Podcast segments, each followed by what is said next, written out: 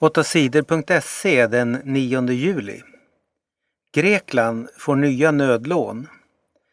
Grekland har stora ekonomiska problem.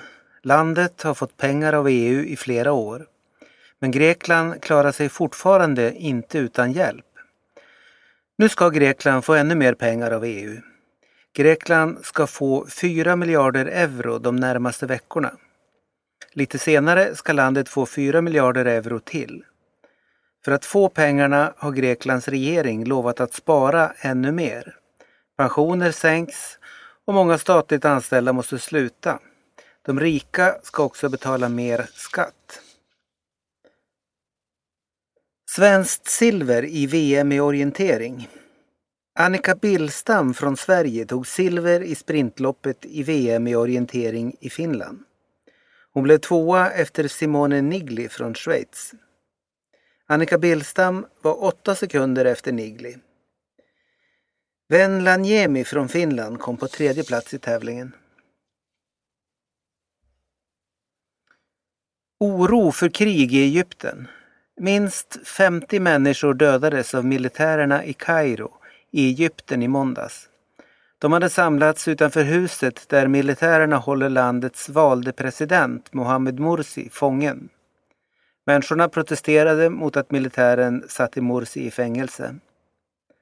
Plötsligt började militärerna skjuta mot demonstranterna. Minst 50 människor dödades. 300 skadades av skott. Flera av de som dödades var barn och kvinnor. Nu är många oroliga för att bråken i Egypten ska leda till att det blir krig. Militärerna säger att de sköt för att terrorister försökte ta sig in i huset. Militärerna säger att de inte ska behålla makten i Egypten. En tillfällig regering ska styra landet tills det kan bli ett nytt val.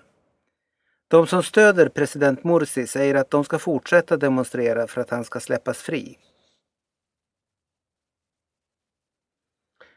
180 har dödats i Irak i juli. Det blir allt mer våld i landet Irak. I måndags sköts sex människor ihjäl när de var på väg hem efter ett bröllop utanför staden Bagdad. De senaste veckorna har många människor dödats av bomber och andra terrorattacker. Hittills i juli har 180 människor blivit dödade. Bråken handlar om religion och makt. I Irak är det shia-muslimer som har makten. De senaste åren har det varit bråk och strider mellan sunnimuslimer och shia-muslimer. Sunnimuslimska terrorister spränger bomber och attackerar områden där det bor shia-muslimer.